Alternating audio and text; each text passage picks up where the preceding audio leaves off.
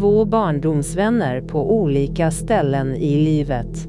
Jonas, ständigt på jakt efter den stora framgången som regissör befinner han sig någonstans i världen. Robin, som försöker leva ett normalt liv fyllt av wellpapp i den alkoholiserade hålan Hyltebruk. Då och då möts de upp vid poddmicken och uppdaterar varandra om livet, samtidigt som de pratar om sitt största intresse, film. Detta är Filmosofi Podcast.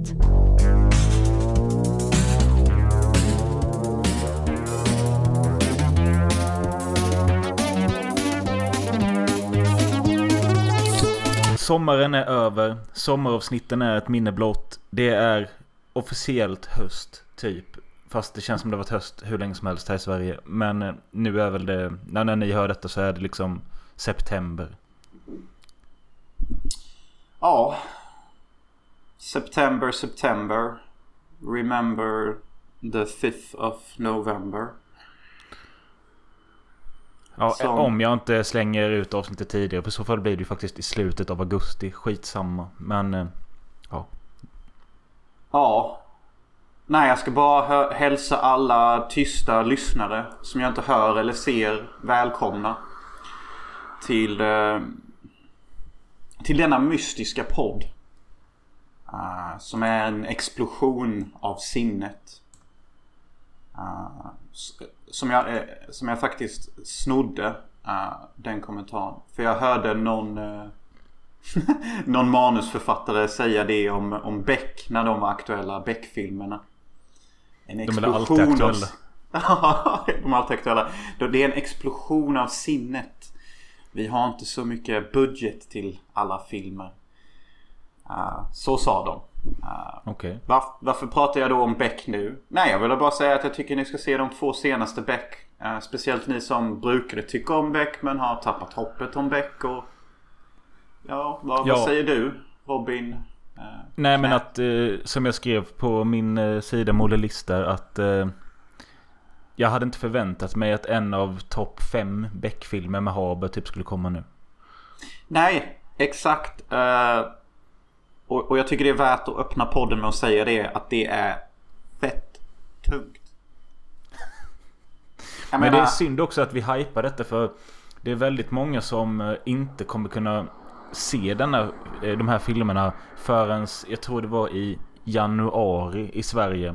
Det är så jävla sjukt att Sverige har horat ut sig till brittiska BBC eller något sånt. Eh, sålt in Beck-filmerna där så det är därför de går att se där nu om du har en bra VPN eller något sånt så kan du komma åt och se dem. Men annars, alltså det är ju Sverige som har varit trogna till Beck i 25-30 år. Varför, varför släpper de det före i England?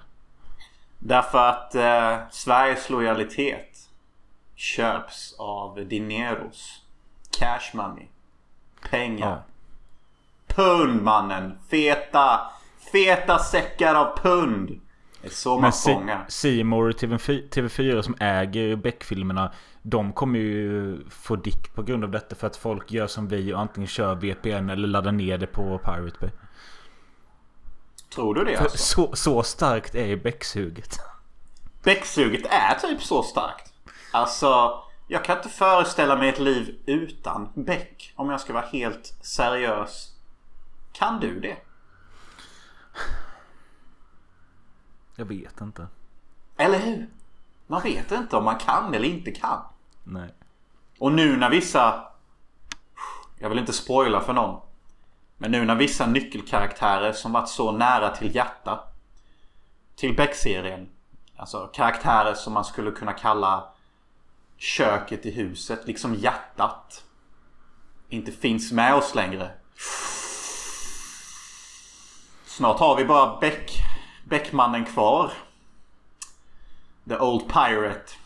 Och där, för de som bara satt och funderade bara Va? Kommer Beck att dö i filmen 50? Men nej det gör han ju inte då eftersom du avslöjade det. Mm. Men frågan är, när tar han sin sista stänkare? Jag tänkte på det, alltså den sista filmen där Inferno Eller nej, död, Dödsläge heter den. Mm. Alltså jävlar vad skrovlig och han har svårt att prata. Alltså, han är gammal nu gubben.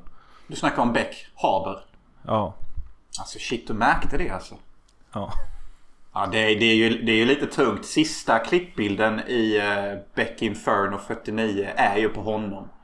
Ja. Och han tittar ju då på ett blodigt lik och någonstans där måste han ju tänka att min tid är också snart kommen.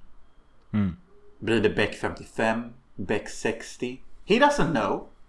Han är, han är som sanden i en sån... Uh, vad fan heter en sån uh, Times of Sand, du vet? Uh, timglas. Ja, han är som sanden i ett timglas. Men sen är det svårt att veta med. Alltså jag vet ju att Peter Haber är säkert typ runt 70, kanske lite till. Men sen är det ju frågan om han spelar äldre än vad han är när han gör Beck. Eller om han är pigg och alert så, utanför karaktären. Jag undrar. För att, uh, han har ju samma personlighet som en gammeldansk. Mycket krut men liksom inte så jävla mycket speed. Nej.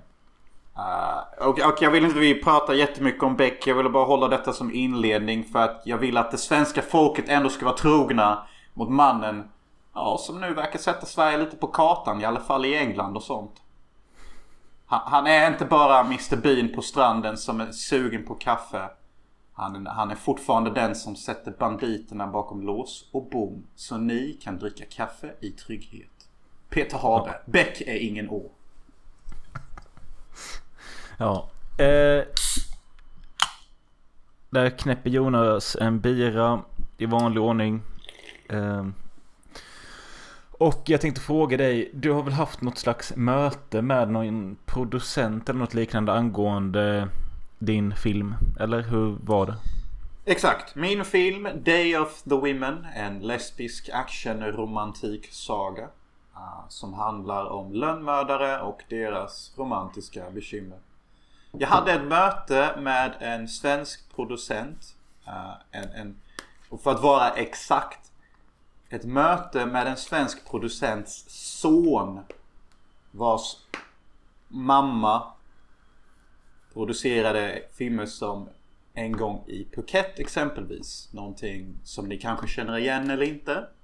En eh, ganska typisk eh, sommarkomedifilm fast svensk. Men eh, du sa en känd producents son vars mamma också är producent. eller? Det här blev jävligt jobbigt. Men jag träffade inte morsan, alltså the high queen. Nej. Utan jag träffade hennes underståt son då. Som födde Undersåtsson. som förde hennes talan. Varför gör jag detta så komplicerat? Jag träffade en producents son. Så enkelt var det. Uh, är kvinnan Jessica Ask? Uh, cannot declare, cannot confirm. Uh, Anna Karlsten? Cannot declare, cannot confirm. Låt oss hålla identiteterna hemliga utifall att jag pratar för mycket för snabbt. Okej. Okay. Yes. Uh, men jag, jag träffade dem. Jag tyckte det var passande att vi gick till The Pub då, som puben kallas. Alltså den heter The Pub.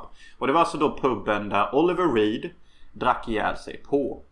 Här jag tror nästan att för oss så är kanske Oliver Reed ett namn. Men jag tror inte riktigt att han är ett namn för gemene man. Alltså, jo, Gladiator, Gladiator var en stor film och där hade han en roll. Jag har inte sett Gladiator så jag vet inte hur mycket han är med. Men... Eh...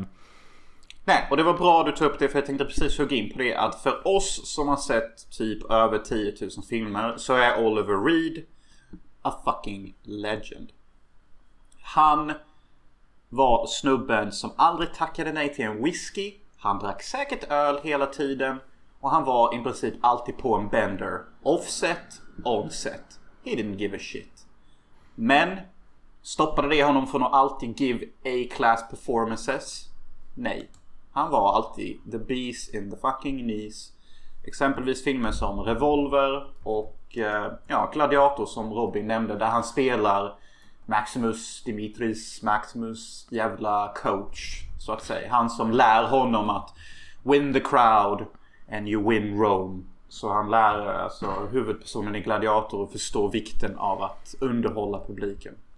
Ja, för att inte glömma då The Devil som vi pratade om för ett tag sedan. Oj, oj, oj, oj, oj, oj. The, the fucking crème de la crème. Jag ser nu på IMDB, han gjorde 122 roller så det finns ju en del. Ja, han hoppade säkert bra från production till production. Production, production till production med en öl i näven. Och det, det, som jag tycker är så roligt och jättesvart komik med att han drack ihjäl sig på The Pub i Malta. Därför att Ridley Scott då som gjorde Gladiator sa till Oliver Reed att jag vill jättegärna ha dig men du får bara vara med på ett villkor och det är om du håller dig nykter under hela produktionen. Oliver Reed var väl antagligen första och sista gången han gick med på denna. på detta. Och sa visst Ridley Scott, jag ska vara nykter under hela produktionen. Men vad gör Oliver Reed sista inspelningsdagen när han är färdig med alla sina scener här på Malta? Jo, han sticker direkt ner till The Pub och dricker ihjäl sig. Och dör på vägen ut i helikoptern eller något sånt. Jag vet inte exakt hur han dog men jag för mig att han fick väl någon form av hjärtstillestånd eller hjärtinfarkt där inne på grund av allt drickande och ätande. Och eh, var det inte någon jävla utmanande? Inte några kids med typ till att dricka ikapp med han? Jo, det var någon form av utmaning och uh, en, en, en, riktig sån drink-off så att säga. Ja. Någonting som jag faktiskt har sett hända på Malta IRL och verkade ha blivit en trend. Kanske till och med var det Oliver Reed som startade denna trend för att det är jävligt ofta man ser på Malta mellan typ så här ett på natten eller halv tre på natten. Då ska två jävla idioter ordra in typ så här 60 shots var som ungefär 20% alkohol. Och bara, vem kan hiva dessa först och snabbast utan att spy? Den som spyr först förlorar. Uh, och det var väl antagligen något sånt Oliver Reed gjorde. Ja. Uh, och i Oliver Reeds The Pub, då hänger hans bilder överallt. Det, det var en jättemysig sportspub. Uh, liten och ambel, pittoresk. så, så den var mysig. det var kul att se att han fortfarande var liksom hedrad men det är också lite så här, det är ganska mörkt. Han dog ju faktiskt av alkoholsförgiftning. Och han hedras för det på en pub.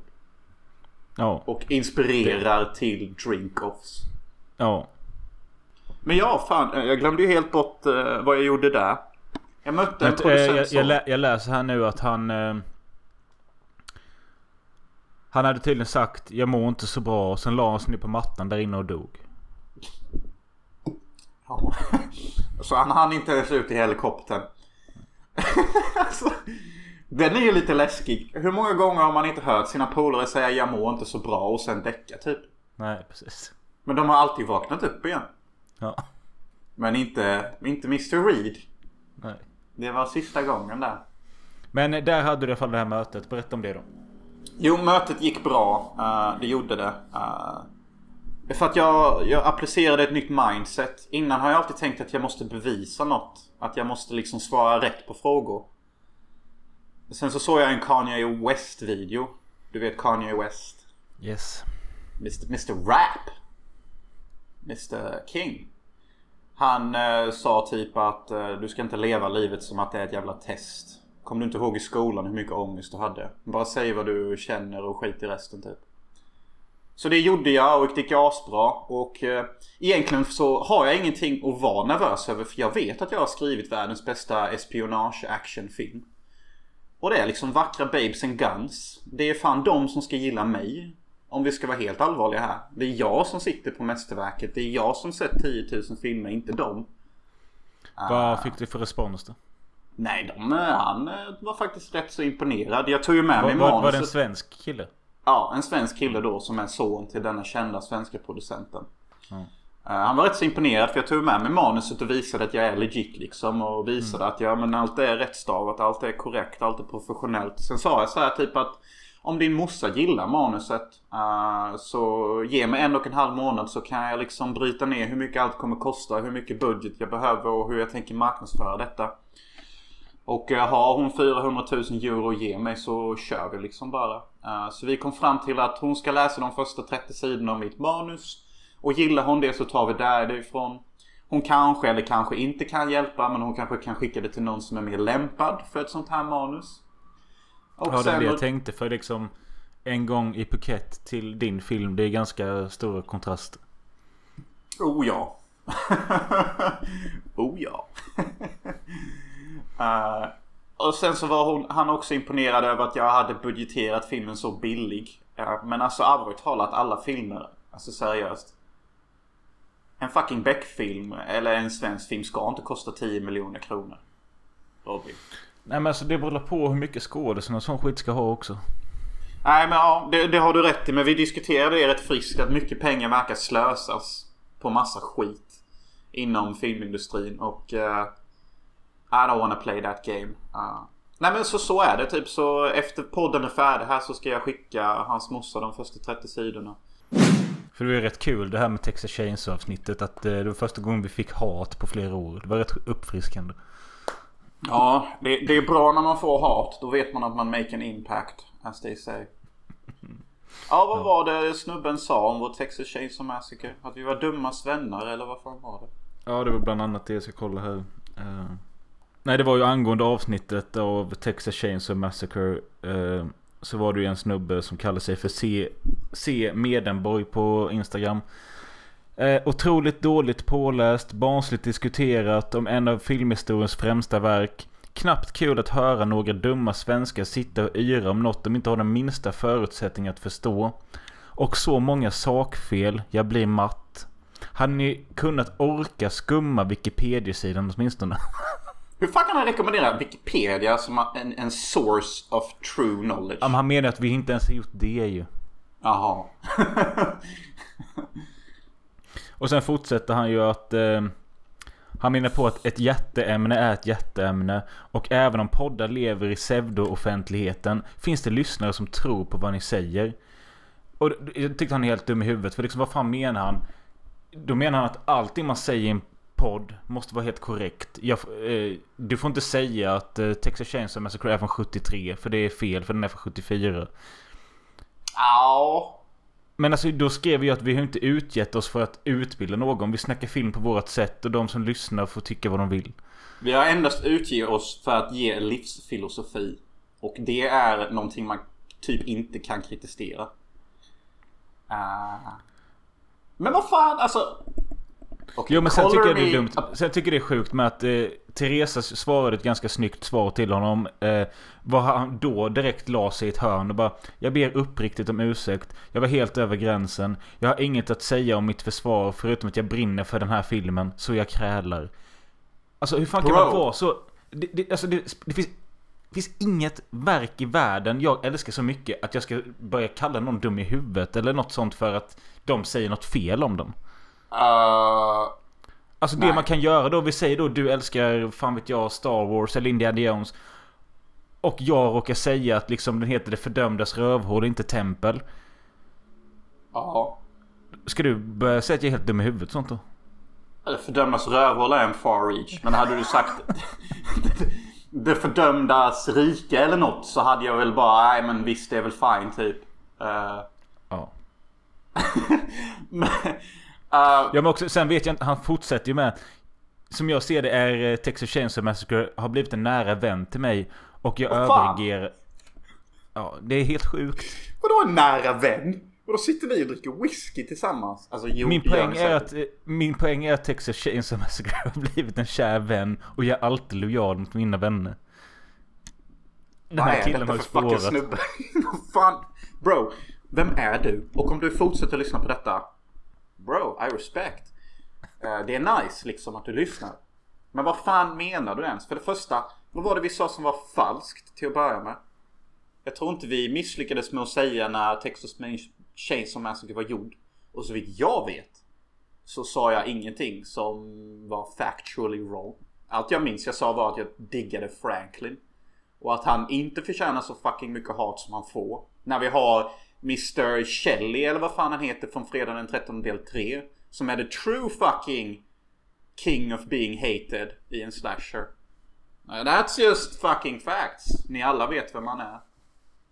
Eller? Ja, nej men jag, jag tyckte det var kul men jag blev också lite störande för att det blev så jävla skevt när han liksom började säga att filmen är som en vän och sånt. Alltså, vad fan jag tror förstår... du han menar där? Jag vet inte. Jag... Alltså, Alltså jag, jag, älskar filmen Out of the Blue. Men jag känner inte att det är min polare. det där är ju mer ens tragiska vän. Som man ringer upp emellanåt för att man inte kan säga hej då till. Som eh, Raskens polare. Vad fan heter han? Den alkoholisten? Klangen. Ja. Klangen. Out of the Blue är ju som klangen. Och Out of the Blue är typ den deppigaste jävla alkoholiserade film som gjorts. Så det är ju sån här tragikvän. Han måste väl mena typ som att det är en film han sätter på för att uh, känna connection till det emotionella konstnärliga. Du vet, precis som när jag sätter på Goldeneye för att uppleva min barndom och min våta dröm att rädda världen och hucka med en rysk brud. Men sen är det, jag kanske är lite extra så... eh, Jag förstår mig inte riktigt på sånt här eftersom jag... Det är så sällan jag brinner för någonting. Ja, det, det är fan sant. Nej men jag menar liksom så här typ eh, Nu när jag När jag gästade de här filmsmaken för några veckor sedan och snackade om Sökarna Då var det två av de killarna som inte alls tyckte om den och tyckte det var skit typ Och jag bara okej, ja. ja Va? Vad ska jag säga? Ja, du måste ändå defenda lite. Du kunde väl ha typ skrikit typ bara Vem fan är det Men- som har power nu? Ja men jag menar alltså, vad fan är det att defenda alla olika smak? Och dessutom, är han helt väck den här jävla Smedenborg, Hedenborg, vad fan heter? Vi älskade ju filmen alla tre. Ja, eller hur? Jag satte fem av fem och kunde allvarligt talat inte peka ut någonting jag tyckte var negativt med filmen. Inte ett endaste litet klipp, inte en endaste liten ljudeffekt, inte ett endaste litet soundtrack.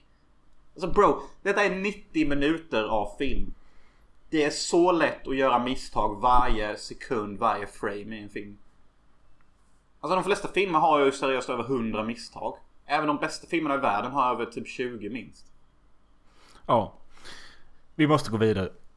Ja. Och sen, eh, ja alltså. Men, eh, men tack för att du la din kommentar. Eh, bring, always bring the hate, Hedenborg. Always fucking bring it. Vi Be måste- that guy. Be han that kommer ju- fucking guy. Han kommer ju döda oss när vi citerar hans namn fel också. Men du. C. Medenborg. Han heter tydligen Ka- Carl Mikael Edenborg. Nu hänger vi ut honom ordentligt. Ah, vet du vad det varit ett mycket coolare username? Nej. C4. Iskallt liksom. Ja. Du vet att det är sprängdeg va? Ja, jag vet. Men vadå? Men vad fan Ja. reagerar som att det är badass då? Jag lägger in en explosionsljud och sånt. Ja. Dagens ämne är ju William Friedkin. Mannen som är mest känd för att ha gjort Exorcisten och The French Connection. Han gick bort den 7 augusti nu i år, 2023. Han blev 87 år gammal. Ganska bra ålder. Det, ja. Ja. Och jag tänkte fråga dig, alltså det känns ju... Ja, egentligen är det likadant för oss båda, men vi har väl aldrig hyllat honom särskilt mycket. Alltså han har ju aldrig varit ett, eh, en husgud på något sätt. Nu får vi akta vad vi säger här nu så vi inte trasslar in oss med Smedenborg igen. Det, Ja, men, så inte C4 makes a retaliation. Som han nu Ja. är kodnamn given som. Du vet vem du Nej, är C4. Eh, då när han dog för några veckor sedan så bara kände jag bara, ja, tråkigt. Eh, och så fick jag det här suget man alltid får typ när någon går bort eller något. Bara, kanske borde se de där filmerna med honom som jag inte har sett innan. För för mig, alltså jag har haft en ganska stor relation till Exorcisten hela min uppväxt. Den har, Oh, vi, ja. pratat, jä- den har vi pratat jättemycket om i ett avsnitt från förra årets oktoberskräckavsnitt. Mm. Ehm, och han gjorde även To Live and Die in LA som vi också gjort ett avsnitt om i samband med att Jonas skulle sticka till LA. Ja. French Connection. Den, jag tror på riktigt jag skulle uppskatta den mer om jag såg om den idag. Men då när jag såg den för 15 år sedan, då var den inte kul. Nej, och jag tror på riktigt French Connection är en sån film man ska se när den kom. För den är så jävla 70 och smutsig och seg och, och grungy och... Typ det som du trodde om Texas Chainsaw Massacre också.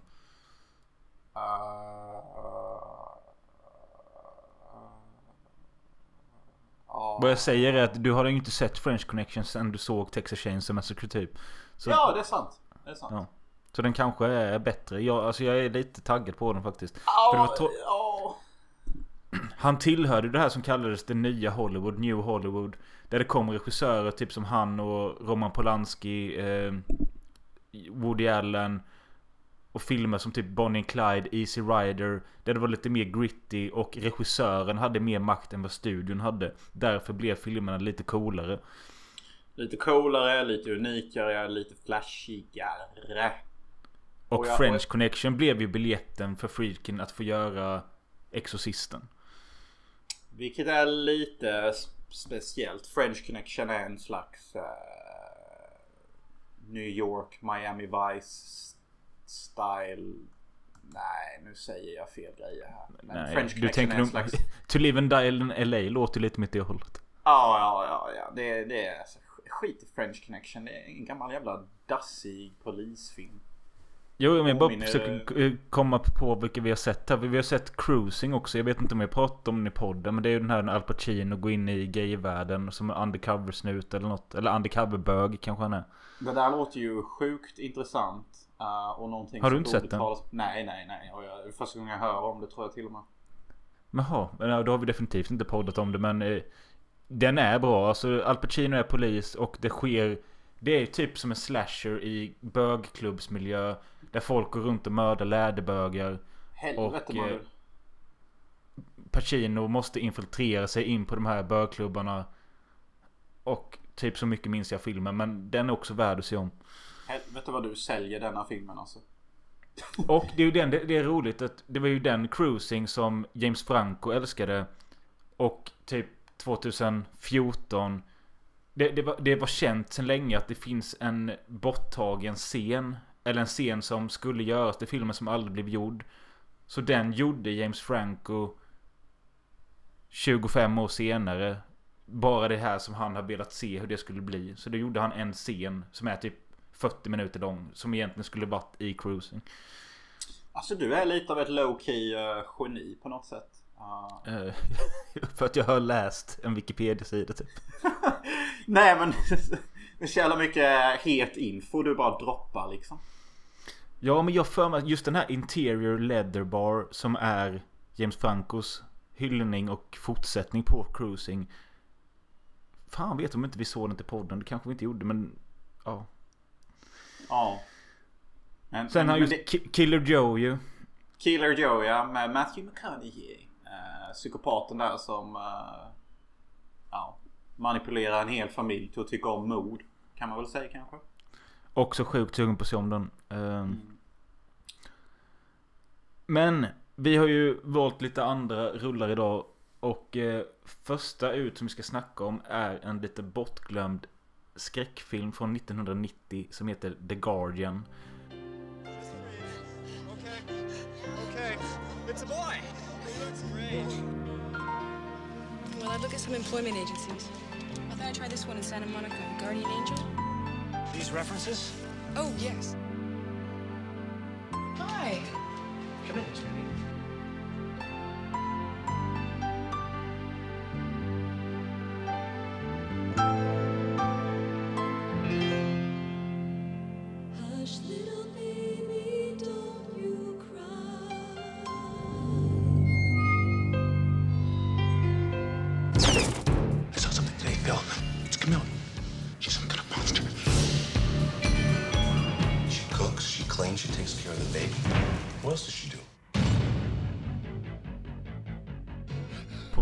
Svenska Djävulens barnvakt. Djävulens barnvakt. Jag måste säga att jag imponerar Sverige lite. Jag tycker nog detta är en bättre titel. Och hade gärna det- sett en... ja. Eh, Istället för The Guardian så hade jag hellre sett The Devil's Babysitter. För det låter faktiskt lite mer hett. Eh, The Guardian låter som att det kommer vara någon jävla Dungeons and Dragons spin-off typ. Alltså vad fan är detta för fantasy-skit typ? Eh, Så tänkte jag när jag hörde The Guardian-titeln. Att eh, ja, jag är inte alls taggad på detta. Jag vill inte se någon jävla eh, Quest och dvärgar och skit. Men det är ju inget sånt. Det är ju inte Dvärgar Quest och dvärgar. Eh, jag har handlingen på filmtipset som vanligt. Eh, Det är lika En bra tror jag. En kalifornisk familj som just fått barn skaffar sig en barnsköterska. Efterhand visade det sig att hon tillhör en druidsekt som offrar nyfödda till ett ondskefullt träd och nu väntar ett fruktansvärt öde för barnet som hon tar hand om. Ja. Ondskefullt träd. Ja. Darrar. Darrar där hemma. När ni sätter på filmen för det är ett ondskefullt träd. Som är vår antagonist. Eh, och då en, en, en fager eh, eh, babysitter. Liksom. Som då är Ja. i, i, i, eh, i maskopi med det här ondskefulla trädet. Ja, jag vet inte riktigt hur man ska säga. Och jag valde att inte skriva ner vad några av skådisarna heter. För det var liksom no names egentligen. Ja, Eh. verkligen no names. Ja. Det finns ju en liten, eh, typ en scen så är han med Miguel Ferrer, han som spelar Albert i Twin Peaks. Han dyker upp en stund. Ja just det, han är med i någon slags middagsscen. Ehm, så han är, han är alltid underbart skön att se. Så han är... Det jag måste säga som fångar mig med filmen direkt det är att jag älskar, jag verkligen älskar nästan alla filmer oavsett om de är tråkiga eller bra. Filmer som är från 1990 till 1992. Alltså för just de två åren, det är ungefär när jag och Robin här, min co-host, kom till världen. Och så som många lägenheter och hus ser ut i alla de här filmerna är är hur jag minns alla hus, inklusive mitt egna hus, såg ut när jag var liten. Så Hold your vi- horses här lite. Det Oh, jävla... I'm not gonna hold my fucking horse bro. My horse Okay. is, my horse is riding. Your horse is dead. What you about to say at me dog? Jag skulle säga att det har väl alltid varit en jävla skillnad på amerikanska hus och svenska hus. Faktiskt inte tycker jag. Det är liksom det här mahognygolvet och, och, och många av de här typiska eh, äckliga lamporna som hänger i taket och Same toasters, same water bringer, du vet. Uh, samma jävla sorts tavlor och, och liksom... Alltså, bro, du växte upp i typ någonstans. Och jag växte upp typ där jag växte upp. Och där jag växte upp då såg skit ut som det ser ut i de här jävla amerikanska filmerna.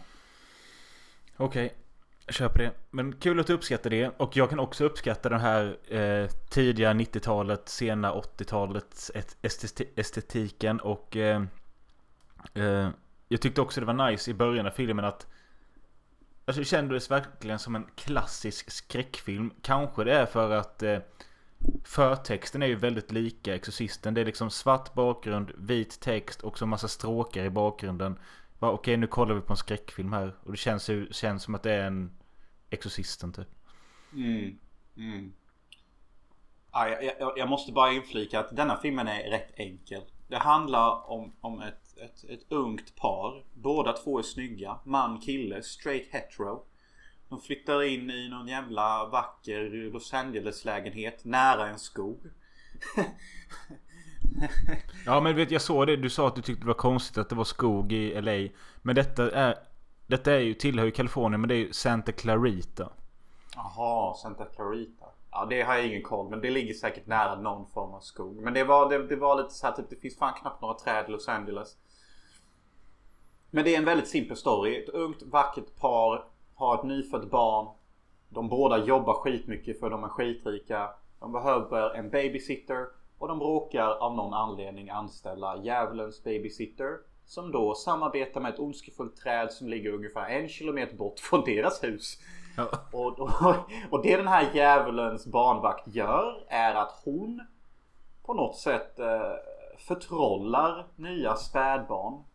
Och liksom offrar dem till det här ondskefulla trädet. Och det här ondskefulla trädet på något sätt äter barnens själar och lever vidare genom det. Eh, Så ja, det är det jag inte riktigt blir klok på. Liksom, vad, vad fan får hon ut av det? Nej, hon är väl någon slags förlängning av trädet. Eh, alltså... Den, den, den- manifesterade viljan att leva vidare liksom. Ja, det är klart. För ja, det är ganska tydligt sen i de här slutscenerna när de, när de kapar grenar så kapas ju kroppsdelar. Ja, och, och jag tycker vi nästan direkt kan komma till det för att det är inte så mycket som är häftigt och intressant i denna filmen. Det Jo, ganska- det, finns, det finns faktiskt ett par grejer innan man kommer dit. Och det tycker jag är att eh, det finns ju ondskefulla, vad jag till början trodde var vargar. Men det är nog fan bara hundar. Som kommer lite då och då. Alltså det är nog, det är nog den, den här Wachowski, Auschutski eller vad fan de heter. Husky, Alaska- husky. Husky. Ursäkta. Det är nog huskyhundar.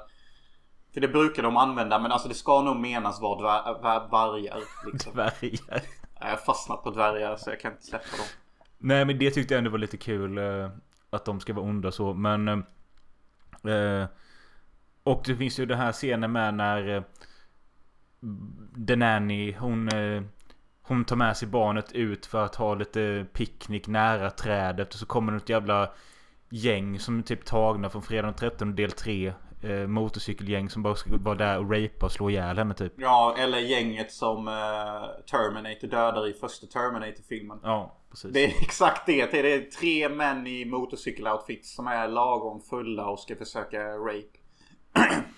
och det är sjukt intensivt när det ondskefulla trädet då med sina stockar och grenar mördar dessa tre stackars motorcykelmän. Och det är brutal as shit. Och det är faktiskt mycket häftigare än vad det låter. Ett ondskefullt träd som mördar är pretty fucking badass måste jag fan säga. Ja, alltså idén på pappret låter idiotiskt men så som det är gjort. Det, gör det. det, är, det är ganska... Alltså jag tycker hela filmen är ganska charmig i allting typ och att... Eh, när det väl blir mord och blod så är det ju liksom ordentligt och det ser bra ut. Ja, och det, det finns en jättekul scen när en mindre karaktär blir instängd i sitt egna fancy... Blir instängd i sin egna fancy villa. Och är jagad av då vargar eller hundar som då är, är utskickade av det ondskefulla trädet för att han har listat ut att trädet är ondskefullt. Och det är så himla fucking kul när han ringer polisen och vargar håller på och, och gnager på hans fönsterrutor och han är inlåst i sitt hus. Och han typ bara My, my fucking house is uh, surrounded by coyotes. They're gonna come in here and, and kill me. Och så typ... Och så typ... Tar inte polisen han seriöst. Nej. Och så repeterar han vad, vad snuten säger till honom och så bara Yeah I know coyotes only come out to kill when they're hungry. But these fucking coyotes are hungry man. And they're out here to kill me. Ja. Och typ det blir så här jättekomiskt typ att han skulle nog bara ljugit och sagt att fyra latinos är ute efter att mörda mig eller något. Eller bara Ja. någonting annat. För det låter så absurt när han säger det. Det var fucking coyotes are here. They're breaking into my house. Four of them. And they're gonna eat me. You gotta send some cops. Och, och det måste jag säga att det, detta är en... Alltså detta är en mysig godnattfilm. Sätt inte på den här klockan 10 på kvällen och hoppas på att bli fucking entertained all the time.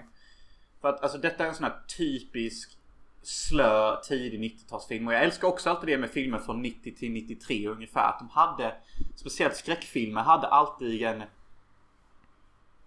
jävligt slö stämma till sig. Det handlade mycket mer om typ stämning och husinredning om jag ska vara helt seriös. Ja. Det är därför jag alltid lägger märke till husinredning för de här filmerna. För att de försöker verkligen typ visa 90-talets jävla ekonomiska framfart för mellanklassen. Sponsrad av mäklare. Ja, sponsrad av mäklare. Uh, men alltså det som gör filmen riktigt fucking sevärd det är de sista 10 minuterna. När både och maten... där måste jag bryta in innan du be- beskriver vad det är. Det är ju att... När jag var... Alltså en av mina 10-20 första DVDer var ju en... eh, DVD som hette Ultimate Horror... Ultimate Horror Boogeyman någonting i alla fall. På framsidan så var det liksom 15 eh, kända skräcksnubbar. Det var Jason, Michael, Freddy, eh, Leatherface och så några till. Och jag trodde, jag, alltså jag visste ju knappt vad det var när jag köpte det. Bara, det stod något med Ultimate Horror och jag tänkte det måste vara grymt.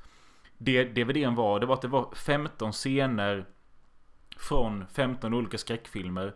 Som skulle vara liksom de bästa och värsta scenerna. Urvalet var sjukt dåligt. Alltså de tog klipp från bra filmer. Men liksom... Det var inte det bästa klippet från den filmen. Från de filmerna man hade sett. Just det, de hade klipp från, kom ihåg, från Jason Goes to Hell. Eh, du vet i början när han kommer ut och blir ihjälpepprad av något SWAT-team. Jason Goes to Hell är så jävla rälig. På alla Hur som sätt. helst. Det som var, fångade mitt, eh, min uppmärksamhet på den DVDn.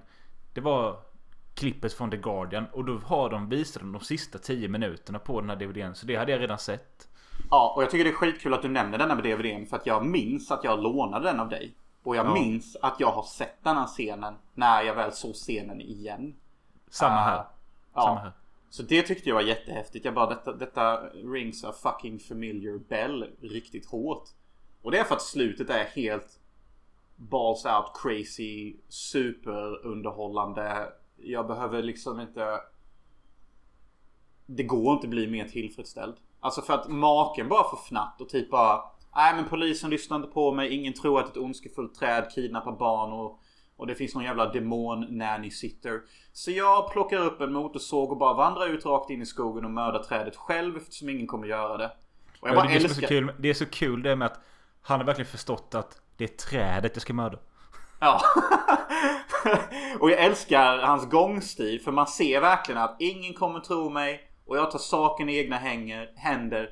Och jag älskar budskapet. If you want something done you just have to do it yourself. Och det är bara, gången bara exemplifierar det.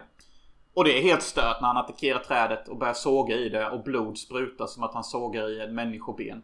Och samtidigt som det händer så, så har vi då djävulens nanny sitter. Som då attackerar hans fru samtidigt. Och hon För att hon, hon har tagit tillbaka sitt barn. Ja, exakt. Så hon är någon slags alien. Någon träd-alien som ser ut att komma från The X-Files eller någonting. Och hon bara I need the children. I need the blood to live. Så samtidigt som hon är värsta italienska standoffen så har vi fucking Bruce Campbell med en motorsåg som fightas med ett ondskefullt träd. Och det är bara Kul att, du, kul att du nämnde Bruce Campbell. För den här var egentligen eh, menad att regisseras av Sam Raimi. Och hade Sam Raimi fått göra den, då hade du säkert varit Bruce Campbell i huvudrollen. Antagligen. Och det hade nog varit lite mer speed i filmen för att Sam Raimi tackade nej, tackade nej och gjorde Darkman istället. Darkman som jag inte har sett än. Och jag vet inte Ja. fan om jag ska eller inte ska alltså. Nej. Men det, det kändes typ när jag läste det att ja, men Sam Raimi hade nog kanske passat bättre till det här. Kanske faktiskt. För att uh, det, det, det... Ja, jag vet inte varför. Det bara känns så. Men The Guardian är typ ganska sefärd för uh, de som vill bara ha något nytt att se. För de som vill bara se uh, alltså keddan av filmen. Alltså bara ett, gå till YouTube eller någonting och kolla The Guardian Final Scene. Det räcker typ. Uh, det är inte för allihopa detta, verkligen inte. Nej, men ändå rätt mysig. Ja, ja, verkligen, verkligen. I will teach you how to kill. The difficult part is learning how to turn it off. The two men were found killed in a ritualistic fashion. Alan's battle stress has become so deep it is a part of his personality. I'm ready what he is, and I can stop him. Academy Award winner Tommy Lee Jones. You better decide now what's an acceptable body kill. 'cause that's what you're going to get if you let these guys declare war on my boy. Academy Award winner Benicio del Toro. The Hunted. Rated R. Coming soon to theaters everywhere. Okej, The Guardian var alltså från 1990. Vi hoppar fram 13 år till 2003. Där William Friedkin har slått sig ihop med Tommy Lee Jones och Benicio del Toro i The Hunted. The Hunted. The Hunted becomes the Hunted. Jag tycker taglinen till filmen är rätt bra. Some men should not be found. Det är så enkel men det funkar, funkar bra till den. Ja, jag gillar att du gillar den för att eh, hela Den filmen bygger... Men hela filmen bygger typ på simplicitet. Jag tror inte ens vi behöver filmtipset denna gången för att förklara handlingen. Eh, eller kanske. Låt mig göra ett försök. Okej. Så Benicio del Toro är en slags militärisk torped. Nu, nu känns det som jag börjar krångla till det. Ja, Fan, ta verkligen. filmtipset, jag klarar inte detta. Även fast det är superlätt. Jag pallar, jag klarar inte det. I skogarna utanför Portland härjar en mördare som för nöjes skull jagar jägare som är ute i skogen på viltjakt. Efter en intensiv och farlig jakt lyckas Agent Bonham vid FBI fånga mördaren Aaron Hallam. Väl inne i staden lyckas han dock fly och jakten tar fart på nytt. Visst, det är väl vad filmen är, men jag tycker ändå inte det ger en rättvis bild. Verkligen inte rättvis bild för att filmen börjar med något slags demoniskt krig i Jerusalem. Och William Friedkin har en slags fallenhet för att exemplifiera livet på jorden som faktiskt att helvetet är på jorden. Han har en slags religiös stämma till sig. Och han är fan bra på att filma bränder. Alltså, det kanske låter som en ganska konstig komplimang. Men alltså just de två första öppningsbilderna till The Hunted. När kameran flyger in med en helikopter över ett brinnande som ser ut som Jerusalem. Det ser verkligen ut som Hell on Earth. Och, och, och det är så effektivt att se Benicio del Toro som då är en militärisk tränad torped. Eh, Med det menar jag att han är tränad till att mörda folk med kniv och det är det enda vapnet han har. Han ska alltså smyga nära nyckelkaraktärer som kaptener, majorer och generaler och mörda dem. Och eftersom han mördar så många människor och ser livet gå ur deras ögon och blodet spruta på hans hud och han känner hettan av deras insida så går han fucking crazy. Och kan inte längre separera fiender från goda eller vem som ska knivmördas eller inte. Han har blivit en produkt av kriget så att säga. Han är ju, alltså jag tänkte på det under filmens gång. Det är ju Rumbo goes bad. Bra där. Snyggt, snyggt. Det får du fan stjärna i hörnet för. Ja men alltså för liksom eh, Det är ju lite ganska lik story med att liksom eh, Han är liksom en krigsveteran som har ballat ur Vilket Rambo också har men bara det att Rambo kanske har lite mer Empati kvar i kroppen Det har ju inte Del Toro Han är ju bara ett monster typ Han har bara blivit ett monster. Han, han, han, han bara mördar och bara mördar med kniven och han älskar det. Eh, och, och hela denna filmen är ju knife porn the movie. Alltså det, det är fan bara knivfighter och knivkastningar och slit throats och slit jagulars och knivar genom axlar och knivar genom knän. Och hemma i någon jävla-. Hemma i någon jävla vinterstuga i något ställe i USA där det är vinter i alla fall.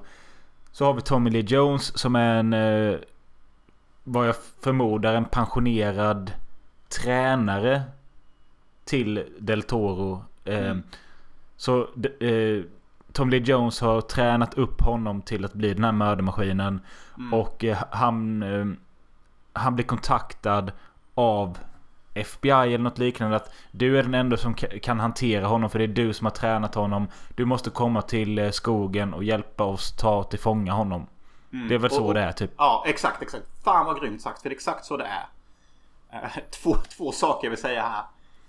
När de anställer honom för att komma och hjälpa FBI. Det känns fan nästan som ett X-Files avsnitt. Nu har vi en sjuk mördare. FBI är on the case. Det känns nästan lite som att vi hade fan kunnat haft Dana Scully och Fox Mulder där och de snackar med Tommy Lee Jones. Det hade typ funkat. För det är så det fucking känns. Ja, jag håller med. Eh, och, och någonting jag inte köper med Tommy... Jag köper att Benicio del Toro är en skärrad knivmördar militärisk veteran. Det jag har Vi får, inte svårt... glömma, vi, får inte, vi får inte glömma heller att han använder faktiskt pilbåge och sånt med. Ja, ja. Ja, Gör han inte det i början på de två första jaktmännen som är ute så skjuter han väl dem med pilbåge? Nej han kastar ju kniv. Han kastar kniv. Eh, Kniv är allt han använder bro. Han är, han är en riktig... Förlåt men vad sa du? Vad är det du inte köper? Två saker jag... jag eller ja. Nej, det, det första nämnde jag med FBI. Men en sak jag inte köper det är att Tommy Lee Jones är någon slags knivspecialist fighter. För att... Go, come on. Killen har en rätt fet ölmage. Och typ rör sig on the screen ganska... I sit on my couch and drink beer. Before I go and act the shit out of movies. Liksom det, det känns, jag köper inte redan att han är en knivspecialist. Benicio del Toro däremot ser verkligen ut som en knivspecialistmördare. Och har looken liksom. Absolut, men det var kul att jag läste det med att Tommy Lee Jones eh, han, han fick 20 miljoner dollar för denna filmen och det är det mesta han har fått någonsin. Det är rätt sjukt för den här filmen. Som det känns, den är, det känns som den här är väldigt bortglömd. Väldigt bortglömd. Och jag kommer ihåg första gången jag såg den. Då trodde jag till och med det var en uppföljare till Jagad eller US Marshals. Fast vi har återigen Tommy Lee Jones. Som jagar en väldigt speciell person genom olika miljöer. Och det är typ samma sorts actionscener. Det enda som skiljer sig från de filmerna är att två gånger i filmen får vi en riktigt bra och riktigt intensiva knivfighter. Alltså det ser äkta ut. Det är typ professionellt. Det är, det är jätteintensivt att se Benicio del Toro och Tommy Lee Jones fightas med knivar. Och de typ bara... Boh, boh, boh. Typ det, det, det är så jävla fucking real och close typ. Ja, fighten är riktigt bra. Eh, och det blir nästan bättre ju längre filmen går. Mm. Mm. Eh. Så, så det är knife porn. Det är verkligen knivporr. För den som gillar sånt. Eh, och det är lite skitsamma ifall Tommy Lee Jones är en skådespelare eller inte. För att det är klippt snyggt, filmat snyggt och fighterna är bra liksom. Det är det. Ja. Jag, jag, jag, när, jag, när jag hittade den här filmen igen och såg omslaget då kände jag igen den. Men jag har ju inte sett den innan. Det är jag helt, helt säker på. Eh, Men det känns ju typ som en TV6-film typ. Ja, verkligen. Och jag, jag, jag tror till och med jag såg den på TV6 första gången i gymnasiet någon gång. Ah, men jag gillar bara simpelheten i filmen. Vi, vi vill ha en crazy killer. Som vi inte vet om han är ond eller bara har flippat på riktigt. Och Benicio del Toro skådespelade jättebra. Och så har vi liksom en man som är knivspecialist. Jagar honom och FBI hjälper honom. Det är liksom inga mer lager till filmen. And Nej. I fucking love it typ. Jag tycker det är jävligt kul i början av filmen när han väl kommer till skogen där han ska jaga. Och flygits dit en helikopter och bara går ut och spyr. Ja, ja, Tommy Lee Jones bara går ut och spyr typ. Och den, har, ju- den har ju lite sådana humoristiska... Sen den har ju en kvinnlig karaktär som är spelad av danska kvinnan Conny Nielsen. Men eh, hon får inte mycket att göra. Så. Det här är ju liksom two man show är det ju. Ja, det, det är en, det är en two man show och det är, det är Tommy och Benicio och... Och jag reagerar hur ofta Benicio del Toro får hålla en kniv i sin hand i alla sina jävla filmer han gör. Jag menar, ta en av hans första kända roller i... Uh... Fear and Loathing. Ja, ja, nej, ja det också. Och ja... Vänta, håller han inte en kniv där också? Jo. Jo, det gör han. Jo, han tar ju fram en kniv och bankar den på bordet. Ja. Den här stackars jävla servitrisen. Vilket är en helt fruktansvärd scen. Och sen så har vi den scenen. Ja, men det är det. Jag tycker den är jätteobehaglig. Det är den enda scenen som går att ta seriöst. I Fear and Loathing i Las Vegas. Och sen så har vi ju hans roll han gjorde i License to Kill, James Bond-filmen. Då har han också alltid en kniv han tar fram i varje scen. Och ska hålla på och hugga folk med. Så han har ju på något sätt blivit synonym med kniv och jag tror Friedkin begrep det och därför satte han i Knife Porn the Movie, också kallad The Hunted. Den är tydligen löst baserad på en sann historia om, om någon man som hette något manligt, kommer inte ihåg det. Men som var sån specialist som Tommy Lee Jones och han fick hjälpa till att fånga någon före detta elev. Och den här snubben var med som supervisor under inspelningen. Ja, det, det märks. För att... eh, Ja, som vi båda säger, alltså de två knivfighterna som finns mellan vår, vår bov och hjälte. Alltså helt ärligt, jag, jag kommer jag kommer ihåg slutscenen, eh, slutfighten, men sen så är det ju också, de är ju i ett hus där Benicio del Toro besöker någon släkting. Mm. Är det inte någon fight där med? Han flyger väl ut och sen är de uppe på något jävla tak eller tåg eller buss eller... Ja, det är mer en chase sequence. Jag vet inte om jag skulle kalla det en fight, men då jagar ju Tommy Lee Jones, eller trackar Benicio del Toro. Och det är väldigt så här The Hunter Chase the Hunted. Så det är väl ett psykologiskt battle i sig. Men det är ju inte en straight up knife fight. Nej. Ah, Nej, och typ- sist, sista fighten blev jag faktiskt eh, överraskad över hur långt den fick pågå och hur brutal den var. Det är ju mycket så här eh, vidriga knivcuts. Typ han skär honom på kinden. Han skär upp handleden. En kniv går rakt igenom axelskålan. Benicio del Toro kastar fram blod. En gång i Ja, Tommy ja, Lees i ansikte. Ja. Ja. och jag bara tänkte that's fucking low. Typ alltså. Jag älskar sådana scener i filmerna när, när de fightas dirty. Typ kastar sand i någons face eller något. Man bara oh ditt svin typ. Uh, ja, det, det är sjukt nice. Det är det. Men sam sammanfattningsvis skulle jag vilja säga att den kanske förtjänar att vara lite mer upphöjd än vad det är. Samtidigt som jag också förstår varför den är bortglömd. Eh, men det, det var jävligt kul att ha sett den för det väldigt lättittad och enkel. Som du sa. Enkel, lättittad och snabb. Och jag tycker den är bättre och mer underhållande än Jagad. Vilket är därför jag tycker det är synd att Jagad är så jävla känd och populär. Ja. När detta typ är samma film och mycket roligare. Vill du veta en grej? Nej, eller jo menar jag. Jag har inte sett Jagad. Nej, jag, jag vet och det är helt okej. Och jag ska också erkänna en grej. Jag har bara sett halva filmen. Jag har sett ungefär från där vi har den där kända scenen där Harrison Ford hoppar ner för en damm eller något. That's it typ. Ah, Ja. Det var ju alltid US Marshals som av någon anledning alltid gick på TV istället för första jagad. SVT eller TV4 hade väl alltid fått någon bättre deal med US Marshals. Den gick fan hela fucking tiden. Ska vi nämna något eh, sista om The Hunted så är det ju att i början av filmen så börjar det med en berättarröst som säger någonting med mystisk mörk röst. Likadant kommer det i slutet och sen kommer det en låt. De här två rösterna och låten på slutet är ju allting Johnny Cash och det var det sista han gjorde typ innan han dog. Alltså så han gjorde detta specifikt i filmen. Jag, jag vet inte men eh, det var i alla fall det sista gången han medverkade till en film i livet. Ja, han berättar storyn om Kanin och Abel. Kommer ni ihåg den? Om vi ska vara lite bibliska här. Det passar ju nu när vi avrundar. Det är Två ju det att bröder. någon, Ja, två bröder och att någon av brodern ska mörda den andra brodern. Eh, för att testa eh, om de verkligen tror på Guds beordring eller något. Ehm, och så avslutar Johnny Cash med att säga typ att uh, mörda Kanin eller Abel på Highway 66. Så det är liksom någon form av twist på en biblisk historia. Men, och att den, det slutar ju med The Man Comes Around. Som, jag vet du var ju inne på den. För den var ju också i eftertexterna till Dawn of the Dead 2004. Ja, och i, i titeltexterna tror jag. Alltså efter Ja, det, så, introt. ja. Det kanske är bara introt men ja, jag, jag reagerade på det och jag tycker alltid det är kul när den låten kommer. För det är en sån här typisk filmlåt som nog har varit med i säkert över fem filmer. Det hade kul att sammanställa en lista typ men alla filmer som alltid har den låten. When the man comes around. Here's a man taking names of who to die and who to live. Eller något sånt går den typ. Ja. Vem ska straffas, vem ska helas typ. Och alla filmer som har den, de har alltid eh, eh en poäng att göra med att är du ond eller är du god och vem kommer du bli ihågkommen som? Eh, så det är väl alltid kul att alla regissörer tänker likadant kring när de väljer den låten till en film. Ja, precis.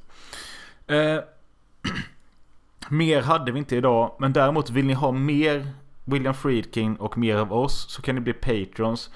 För där kommer vi även göra, vi kommer göra ett specialavsnitt där vi pratar om två film, filmer till. Och vilka filmer är det Jonas? Det är... Nu fick jag blackout. Vilken fucking film är det? Jailbreakers från 94, en tv-film. Och Sorcerer från 77. Ja men Sorcerer har vi rätt mycket att säga om det kan jag tänka mig för det är en fucking... Fan en sexig film. Alltså på brist av ett bättre uttryck. Vi säger det liksom. Den är sexig på något sätt. Och Jailbreakers... Jag har inte jättemycket att säga inte, behöver inte, jag vill inte höra säga någonting nu. Vi får ta det i Patreon. Ta det i Patreon för jag har en del att säga om manligt och kvinnligt. Och det vet jag att ni tänder på. Sån, eh, sån psykologi. Eller hur? Och från oss alla till er alla. En riktigt god jul. Eller? Hur är det så man säger? Ja, man säger det.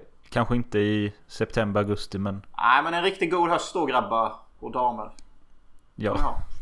Hej. Hej.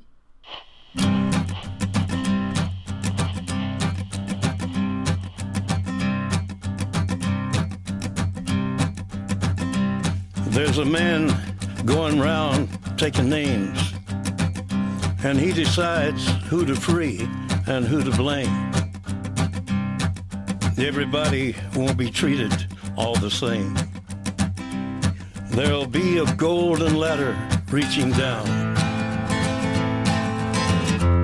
when the man comes around. The hairs on your arm will stand up at the terror in each sip and in each sup.